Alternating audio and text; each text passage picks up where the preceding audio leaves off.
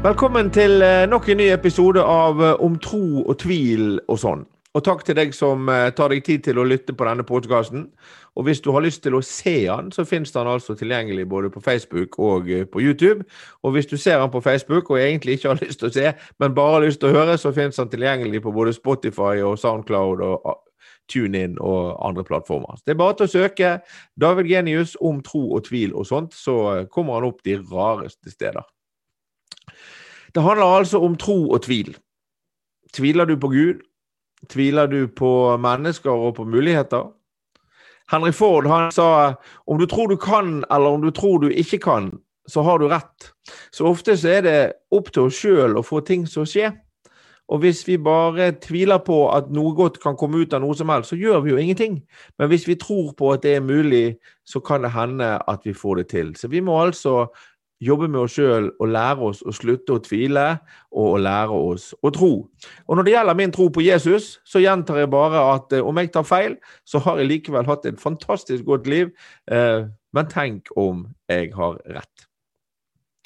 I Jakob kapittel 4 vers 8 så står det Hold dere nær til Gud, så skal han holde seg nær til dere det handler litt om å gi slipp og tørre å være nær til Gud. Og det er en fin historie om en liten gutt som har satt hånden fast i en vase. Inni vasen eh, får ikke ut hånden, faren prøver å hjelpe han, og dette er et gammelt familiearvestykke. Og det er liksom eh, nummeret før de er nødt til å knuse vasen. Og det er jo fryktelig trist å få ut denne hånden til gutten. Så faren prøver en gang til, og så sier han Vær så snill, strekk ut alle fingrene dine så langt du kan, og prøv å gjøre hånden din så smal som mulig, så vi kan prøve å dra ut hånden din fra vasen. Og så sier gutten, ja, men pappa, jeg kan jo ikke det, for da må jeg slippe den mynten jeg holder. Så guttens hånd inni vasen, den er knyttet, og det er klart, da kommer han ikke ut gjennom en smal åpning. Så for at han skal få ut hånden, så må han altså slippe taket i det han holder fast ved. Og for at vi skal komme oss videre i livet, så må vi slippe fordommer, vi må slippe frykt, vi må slippe tak i det som holder oss tilbake. Vi må tørre å slippe for å gå det neste stedet. Det som har vært rett for meg, det er å legge livet i Herrens hender og stole på Han. Men det er ikke sikkert det føles rett for deg. Det kan anbefales. Det gjør du som du vil. Vi er kommet frem til ukens konkurranse. Hver episode har vi altså et kunnskapsspørsmål, og den som svarer rett, er med i trekningen om en eh, om tro og hvil Tro og hvil, ja. Tvil, kaffekopp, eller krus, som det også eh, sies. Eh, og eh, vet du svaret på det jeg nå skal spørre om, så sender du meg en e-post på davidalfakrøllgenius.no. Davidalfakrøllgenius.no. Og forrige ukes vinner, han het Bjørn fjell. Så der skal krus overleveres ved første anledning. Denne ukes spørsmål er hva heter Jakob i den engelske bibelen? Hva heter Jakob, som jeg nettopp siterte fra, i den engelske bibelen? Og vet du svaret på det jeg spør om, så er det altså bare å sende en mail. Et annet fast innslag vi har i uh, denne podkasten, det er at vi leser noe og snakker om noe som står i Salomos ordspråk, den uendelige visdommen vi kan hente der. Og eh, Disse kloke tekstene viser oss altså at menneskene hadde akkurat de samme utfordringene for 13 år siden som de hadde i dag. Det er bare teknologien egentlig som har forandret seg. Dagens tekst er et eh, eksempel på det. Den er hentet fra Salomos ordspråk kapittel 10 vers 22, og der står det er Herrens velsignelse som gjør rik, og eget strev legger ikke noe til. Og hva er rikdom? Det handler ikke nødvendigvis om penger. Det handler sannsynligvis ikke om penger. Et rikt liv har innhold. Rikdommen er forskjellig for hver og en av oss, men det er utallige eksempler på at du ikke nødvendigvis er lykkelig for det om du er søkklastet med penger. Kanskje rikdom er frihet, kanskje rikdom er tilgivelse. Hele det kristne budskapet handler om at Jesus døde på korset for våre synder, og at vi dermed er tilgitt. Men da kommer altså spørsmålet i mange forskjellige settinger. Hvis vi er tilgitt for alt vi gjør, kan vi da kan vi gjøre hva som helst? Kan vi være utro? Kan vi stjele? Kan vi myrde? Kan vi, hva kan vi? Og Det er en veldig bra historie om en kar som fikk dette spørsmålet i en bibelgruppe, der en mann sier ja, hvis du sier at jeg er tilgitt, kan jeg gjøre akkurat det jeg vil. Og så blir svaret ja, hva vil du da? Ja, hva mener du med det, sier man. Jo, men du spør om du kan gjøre hva du vil siden du er tilgitt av Gud. Men hva vil du? Ja, hvis jeg vil for eksempel være utro mot min kone, sier han som stiller spørsmålet. Så sier han som eh, svarer, det du må spørre deg om da, er ikke nødvendigvis om Gud tilgir deg for at du er utro mot din kone. Det du må spørre deg sjøl om, det er om du virkelig vil være utro. Hva vil du? Hva vil vi? Hva vil vi gjøre? Vil vi stjele? Vil vi lyge? Eller vil vi egentlig leve et godt liv? Det er opp til hver og en av oss. Vår Herre har utstyrt oss med vår egen frie vilje, og det er altså opp til hver og en av oss å velge å handle rett. Da har vi kommet så langt at det er på tide å introdusere ukens gjest.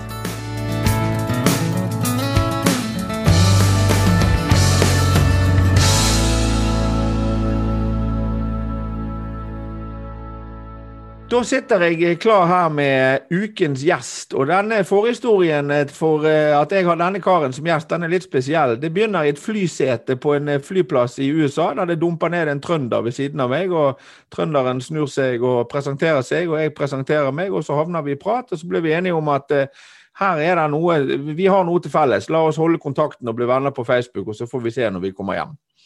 Og det gjorde vi, og så viste det seg at eh, Steinar Husby og meg vi har eh, mye til felles. Vi, både, vi er glad i Amerika, og vi er glad i mennesker, og vi samler på relasjoner. Og så viser det seg at vi tror begge på Gud, og vi tror begge på muligheter. Så i dag så er det en glede å få ønske Steinar Husby velkommen til podkasten om tro og tvil og sånn. Til tross for at han er trønder, så er han en hyggelig kar. Men eh, Steinar, når jeg leter etter på internett for å finne ut eh, hvem Steinar Husby er, så kommer det opp nettverksmarkedsføring, og så kommer det opp eh, sjarmen eh, med tarmen, og så kommer det opp eh, litt forskjellig. Men, men, hvem er Steinar? Steinar han er en eh, kar på unge 61 år og glad bestefar og til fire barnebarn, og bor i Levanger i Trøndelag, som sagt. Og øh, vokste opp, hvis vi skal ta en kort sånn historie på det, så vokste jeg opp i et uh, kristent hjem. En veldig god oppvekst med, i noen ting som heter for Norsk Luthersk Misjonssamband. Veldig bra på veldig mange måter, men uh, litt sånn ofte med ikke strikk på søndag og, og ja, kino skal helst ikke gå på, litt sånne ting. Det ble litt bedre etter hvert. Men akkurat oppveksten var litt sånn. Men det var en glad og trygg og meget positiv oppvekst og en uh, fantastisk ungdomstid. Så det er vel kort om meg, uten at vi skal gå i detaljer her. Nå heter det ikke utlagt med sjarmen lenger, det heter med utlagt sjarm, bare sånn rettelse. Ja. Unnskyld, sånn er det det, ja. ja. Eh, men eh, du har vokst opp i et kristenhjem. Jeg vet også at du har gått på bibelskole, og jeg vet at du, du er opptatt av uh, både nettverk og mennesker og menneskerettigheter og det ene med det andre. Men hvordan står det til med ditt forhold til Gud om dagen? Jo, det tror jeg er veldig bra. Eh, og det er ikke pga. meg, for å si det sånn. Eh, eh, jeg husker en historie, da, for jeg vokste jo da opp på bedehuset med søndagsskole og sånne ting. og Det ble da fortalt en historie om en emissær, som det het den gangen. En sånn omreisende predikant. Som da kom hjem Han bodde jo på litt forskjellige plasser hos forskjellige mennesker når han var ute og reiste. Og så kom han hjem til gamle Olga, som var en meget gammel dame, men en sterk troende. Og så skulle jo da emissæren liksom stille det samme spørsmålet som du. Og Så sier han det. Ja, hvordan har du det med Gud, Olga? Og så sier Olga det. Jo, vent litt, så skal jeg se etter. Og så gikk hun og henta Bibelen sin, og så slo hun opp der, av Johannes 3, 16, at jo, det er i orden med mitt forhold til Gud, det står her i boka. Og det er litt sånn. Så jeg har det veldig godt med Gud. Noen ganger så stusser jeg litt på hva han holder på med, det, det må jeg si. Men uh, men uh, han har vært med meg i hvert fall hele livet, og det er jeg utrolig glad for. Ja, og så har vi jo da det til felles at vi begge to også er glad i USA. Eh, og, og, en av forskjellene på amerikansk og norsk kultur, sånn som jeg ser det, det er det at selv om det begynte å bli litt eh, trangt der borte også, så er det, det er lettere på en måte å tilkjennegi og vise i hverdagen at man har en gudstro der enn her. Hvordan opplever du det? Ja, helt klart. Det er jeg helt, helt enig med deg. Altså, jeg bruker jo å si at uh, janteloven her i Norge, både innen kristne og, og ikke-kristne kretser, for å kalle det det, er sterkere enn kjønnsdrifta. Det er det jeg liker best med USA. Når du kommer dit, så kan du være på en måte den du er. Nå kan mange si at amerikanerne er kanskje overflatisk, og det er 'God bless your car' and 'God bless your everything'. Men det er i hvert fall en, en respekt Eh, for Gud, og, og, det er helt OK å tro på Gud. Her i Norge så har det jo blitt sånn at eh, da blir vi sett nesten litt rart på hvis vi har et, en gudstro. Og, og, det er litt merkelig, for vi er jo et land som er godt fundamentert og har det egentlig veldig bra, fordi at det er bygd på eh, kristne grunnverdier og menneskesyn.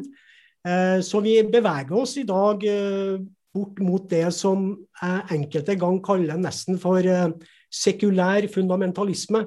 Altså Folk har så skylapper at de kan ikke i hele tatt tenke seg at det finnes en åndelig dimensjon.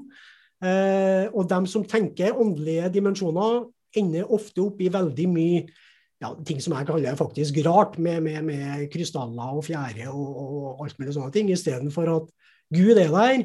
Det er en Gud som er interessert i å være sammen med oss. Og eh, som jeg tror, så har han skapt alt det her. Så jeg tror at han som har laga planeten og oss, har også den beste bruksanvisninga for bruken. Og da er du jo, Med tro, sant? da er du jo inne på, på kjernen av det som også denne podkasten henger seg opp i. og Som, som jeg alltid sier, det er min, eh, min gamle mormor sitt uh, sitat om at uh, hvis jeg tar feil, så har jeg likevel hatt et godt liv, men tenk hvis jeg har rett. sant? Og Den, den, den er så dyp, og den er så, så fantastisk bra. Men, men, det handler jo ikke bare om å tro på Gud. På, på, samme måte som meg, så har du altså i store deler av ditt voksne liv så har du bygget din egen butikk, du har bygget ditt eget liv og levd på egne premisser. Da må du også ha en tro. Hvor henter du styrke og inspirasjon til det?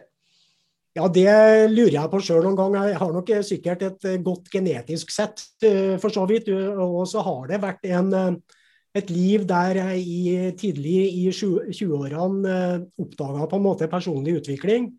Og desto mer jeg jobba med det og lest bøker, hundrevis av dem, og kurs osv., så, videre, så skjønte jeg det at det interessante var jo at mesteparten av det var henta fra Bibelen.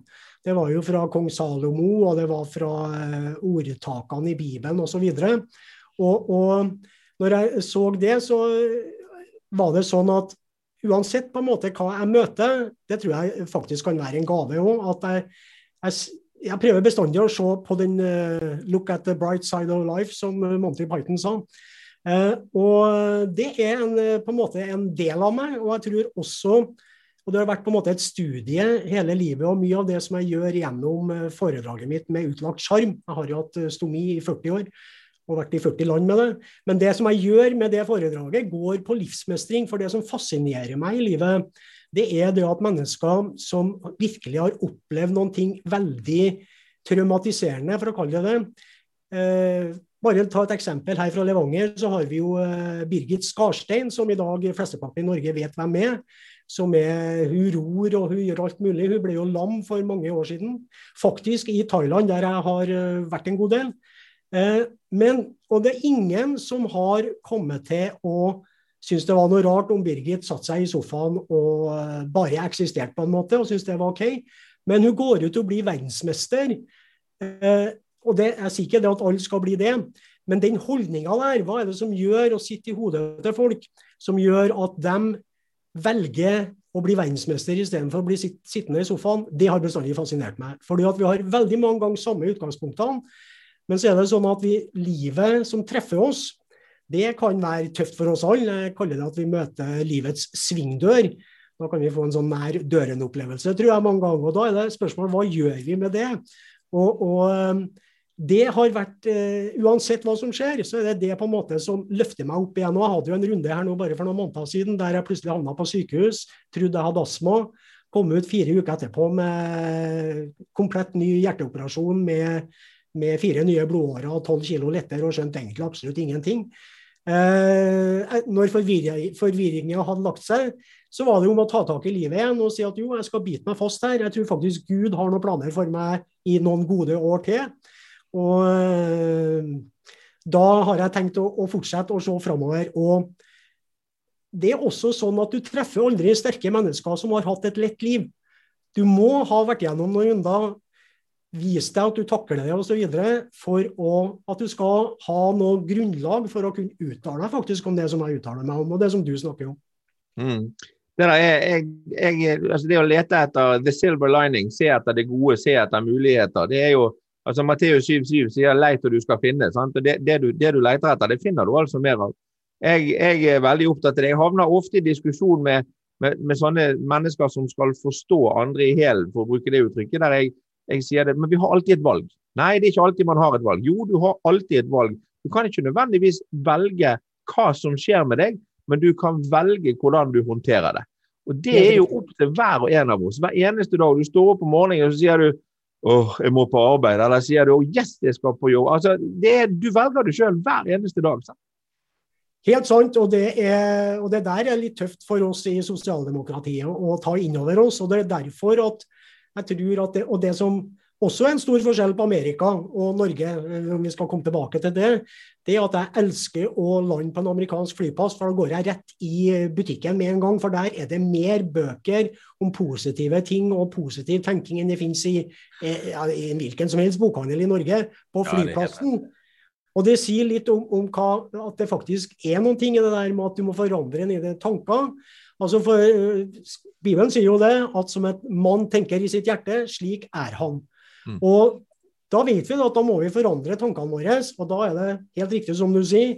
Mange som da sier at ja, men det er ikke så enkelt. Nei, det er ingen som har sagt at det er enkelt, men det er riktig å gjøre det.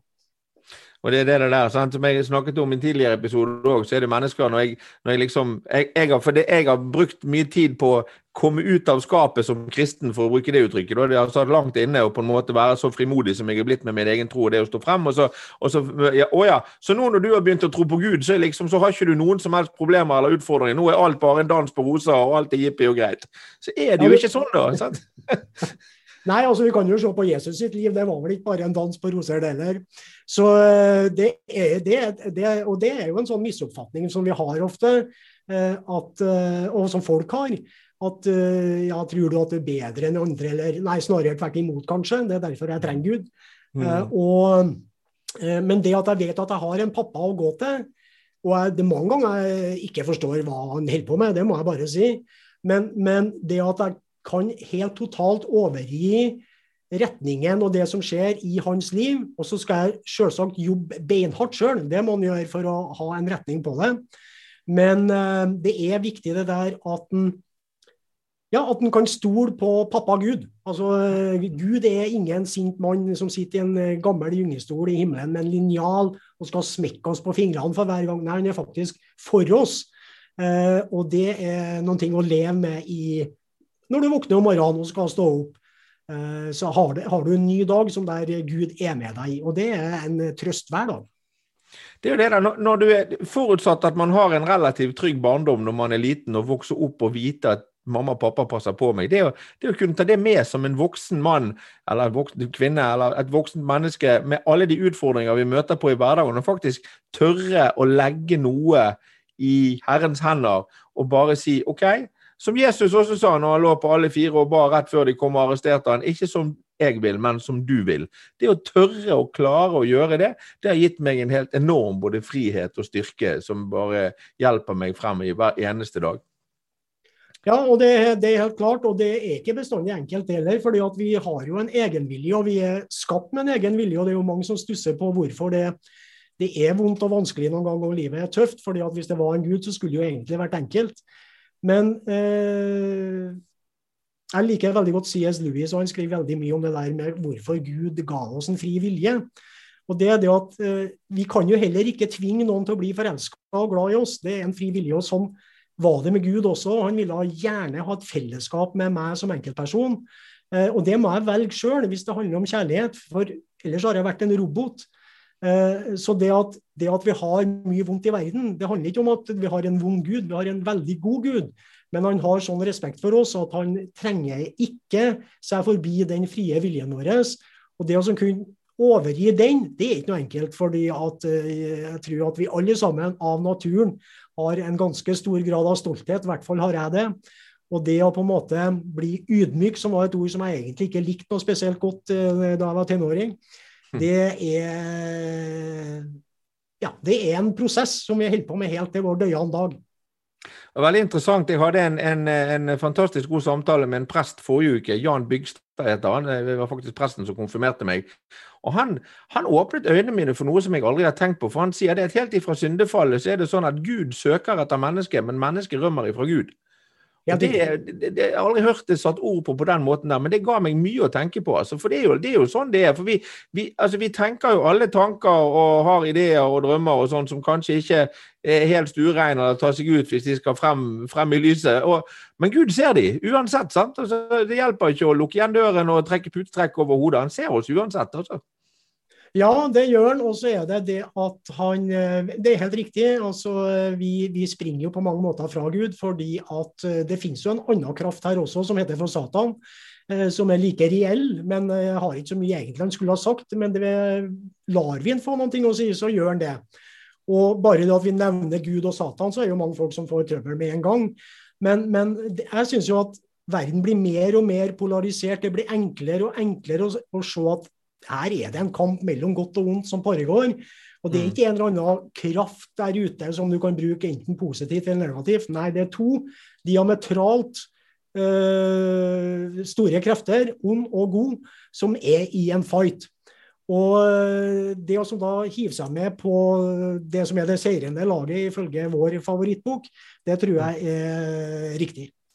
Og det er også et valg, sant? Du, du må, for det, det, det, hvordan får du til å tro, sier folk til meg. Jo, jeg har valgt å lære meg å tro på Gud, faktisk. Det har vært en prosess jeg har vært i. Ja, det går ikke an. Jeg kan ikke tro på noe som ikke er, ikke er konkret, og jeg kan ikke tro på noe sånn og, og slik og så videre. Så, jo, men, men, jeg har valgt, jeg har bestemt meg for at jeg ønsker å tro på dette. Og så har jeg lest, og så har jeg tenkt, og så har jeg spekulert, og så har jeg sett, ikke minst når du ser på livet baklengs, og så har jeg sett at det må jo bare være sant. Ja, og så er det jo det at uh, folk som da sier det der med konkret, det, de hører jo på radio, men uh, det er ingen av dem som har sett en radiobølge noen gang. Så, så uh, det er I dag så har vi vel større grunn til å tro på usynlige ting enn vi har hatt noen gang. Mm. og det står det at Gud er ånd og må oppleves med ånd, og da må vi tune inn denne mottakeren vår på den kanalen. Og det er jo ganske enkelt å gjøre det, men det har ikke noe med følelser å gjøre, det helt riktig. Men noen, noen ganger i Guds nærvær så kan jeg oppleve en veldig glede rent følelsesmessig òg. Men hele fundamentet ligger jo på det at Jesus gjorde noen ting for meg på korset som gjør at jeg hver dag kan stå opp og vise at jeg elsker Gud. Det er jo det som er tryggheten. Det er så fantastisk. Men, men, det er jo sånn også at med all den støyen vi har rundt oss nå, så er det jo noe med det å tørre, tørre å være stille lenge nok til at du faktisk kan høre at Gud er der. For det er, en, en, det er ikke plass til det nesten i samfunnet i dag, sant? Nei da, og det er nok en uh, strategi, en plass uh, som vi ikke vet hvor igjen på det også, uten at vi skal komme inn på det. Men, men, uh, tror, men, men det handler jo ikke egentlig bestandig om at du liksom må bruke en hel masse tid i en spesiell plass, selv om jeg elsker å gjøre det, spesielt på morgenen. Og mm. få med meg en, en, stille stund, om en skal kalle det det. Der eh, jeg har, jeg har, en sånn vane der jeg hører gjennom hele Bibelen i løpet av et år via en app som heter for Daily Audio Bible. Og da vet jeg at når jeg starter 1.1 og er ferdig 31.12, så har jeg hørt gjennom hele Bibelen. Og samtidig så har jeg lært meg litt engelsk, for den er på engelsk. Eh, jeg gjør akkurat det samme, men jeg leser. da. Jeg har sånn daglig leseplan, men helt nøyaktig samme. Ett år gjennom Bibelen. Ja, og det, så det har jeg gjort de tre, fire, fem siste årene. og det er det er på en måte en start, og det er på en måte tune meg inn for den dagen som ligger foran meg. Og du vet jo aldri hvordan den blir. Den kan bli kjempegod, den kan bli kjempedårlig. Men, men eh, det, da blir det litt som hvis vi går tilbake til gamle Olga igjen. Jo, jeg vet at Gud er med. En av de sterkeste historiene som jeg eh, har jobba en god del med å, å, i, en, i, en, organisasjon som heter Partners, som har jobbet med flyktninger på grensa mellom Thailand og Myanmar, og også med rohingya-folk osv.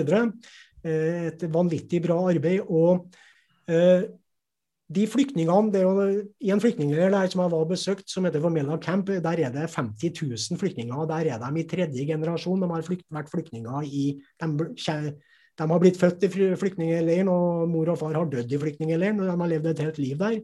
Mm. Og et naturlig spørsmål for oss som kommer fra Vesten, var jo det at ja, men hvordan kan du tro på Gud midt oppi alt dette her? Eh, tropper fra Myanmar kommer inn og brenner ned eh, huset ditt en gang iblant. De er på flukt internt i, i Myanmar osv.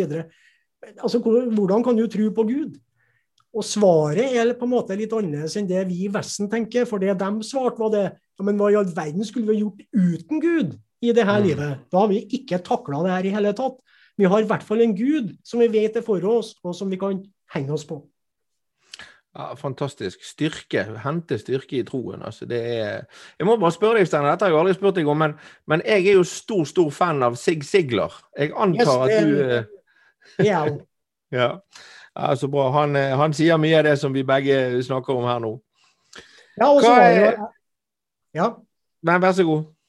Jo, altså, jeg synes En veldig morsom historie om Sig Sigler. Han var jo en brennende kristen, og det var, var jo Jim Rohn, og det var jo veldig mange av de der store eh, businessfilosofene, om vi skal kalle det det, som aldri går av moten. Mm. Eh, det morsomste var jo at når Sig Sigler hadde sine store eventer i USA, som kanskje varte tre-fire dager. Så sier han på slutten av det så sier han at jeg har en bonusundervisning som er helt gratis. Du trenger ikke å gå på den eller noen ting, men den er der. Og vi starter en time etter at det her eventet er over. Det er der du virkelig får vite hva som er forskjellen mellom det som du ja, der du er i dag, og der du kan komme.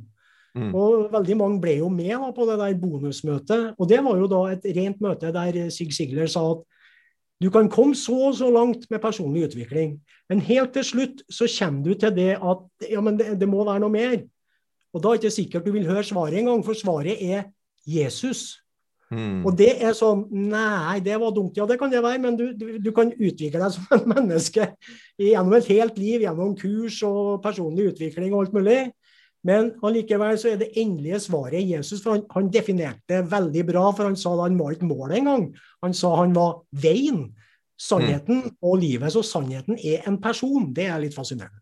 Det der er jo noe som jeg også diskuterer med, med prester som er veldig veldig liberale, eh, og, og, og, som liksom holder på med litt sånn rosakristendom der alt, alt egentlig er lov og alt er greit og sånn. Men så sier men han sier altså Jesus at 'jeg er veien, sannheten og lyset'. Den eneste, den eneste veien til Faderen er gjennom meg. Han sier det. Så det er ikke noe, er ikke noe tvil. Liksom. Du er nødt til å klare å tørre å gi deg over. Du må faktisk tro på jomfrufødsel og, og oppstandelsen fra de døde. Ellers så går det ikke an.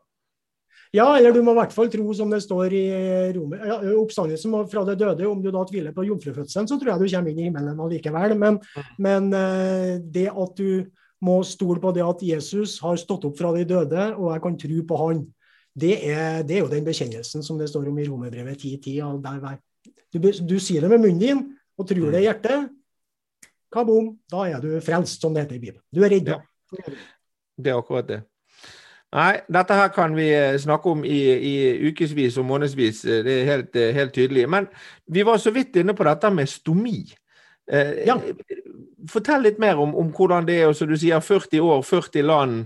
Eh, det, er jo, det, er jo, noe som legger litt begrensninger på, på livet ditt. Nei. Men, men, jeg skjønner spørsmålet. og, og mm. Eh, til meg så var det jo sånn at det her skjedde eh, mens jeg var på slutten av tenårene. Jeg ble dårlig i en alder av eh, tolv år. Eh, og hadde da noe som heter for kronisk tykktarmsbetennelse, eller ulcerøs kolitt. Og hadde det i flere år, inntil jeg da i 19-20-årsalderen eh, veide 49 kilo, og eh, det var ikke noe vei utenom å operere. Nå var det for så, for så, vidt kjent for meg, for min mor hadde det samme, så jeg visste hva det var. Men, og jeg veide 49 kilo, var så dårlig at de måtte ta tykktarmen først. Måtte vente en stund for å ta endetarmen etterpå, for jeg var dødssyk, egentlig. Mm. Men det min, min opplevelse da etterpå var jo at jeg ble frisk. Altså, og etterpå har jeg jo ja, jeg har hatt noen store utfordringer, for jeg har hatt en åtte operasjoner etter det der. Pga. forskjellige ting, litt tarmslyng og litt sånne ting. og Det er ikke noe anbefalt. Så kan du unngå tarmslyng, så bør du si nei takk til det hvis det er noen som tilbyr deg det. Men, men når det er sagt, så er det sånn at jeg ble jo frisk. og, og har da levd et liv, fått uh, tre barn og, og uh, ja, hatt uh, både gode og dårlige samliv, skal jeg si, med denne posen på magen, eller med utlagt sjarm, som jeg kaller det, både på mm. bloggen min og i de foredragene som jeg har. Men jeg, men jeg tenkte aldri over det her i hele tatt før jeg for noen få år siden ble ringt opp av dem som leverer meg stomiutstyr, som har vært kunde hos i 30 år mens jeg har bodd her på Levanger. Så sier de det at Steinar, du må ta deg en tur innom. Så tenkte jeg at vi er gode venner, vi, men det har de aldri gjort før og ringt og spurt. Så jeg tenkte jo kanskje at det var noen ting med blåresepten eller et eller annet. Hva har skjedd her? Så jeg kommer jo da nedover, og så sier de at vi skal ha en inspirasjonskveld for helsearbeidere til høsten. Ja. Og så vil vi da gjerne at du skal ha et innlegg. Ja, så sier jeg, men om hva da? For jeg har jo holdt foredrag om business i, i, i, i 30 år, 35 år. Men, men, jeg har aldri snakka om det å, å, ha stomi. Så de spør jo, men du må jo snakke litt om det å leve med stomi. Så tenkte jeg ja vel, er det noe å snakke om? Altså, så Det er på en måte min grunnholdning til det. Men jeg skjønner jo at det er min story, det å ha reist rundt i verden, vært i 40 land med utlagt sjarm, eh, og de utfordringene som det kan ha. Nå er det jo sånn da, at når du er skrudd sammen sånn som meg, og kanskje du òg, så er det sånn at når det skjer ting, for det gjør det gjennom 40 år med utlagt arm, så skjer det spesielle ting. og Det kan jo leses som på, på bloggen min med utlagtsjarm.no. Men, men det er jo da etterpå å snu det til en morsom historie. for i retrospektivt, når du ser tilbake på det, så er det jo veldig morsomt, egentlig. Men det er jo ikke noe morsomt der og da, når du mister hele utstyret ditt i sikkerhetskontrollen på Gardermoen, og du har en 13 timers flytur foran deg, f.eks. Mm. Der og da er ikke noe morsomt, det kan jeg underskrive på flere ganger.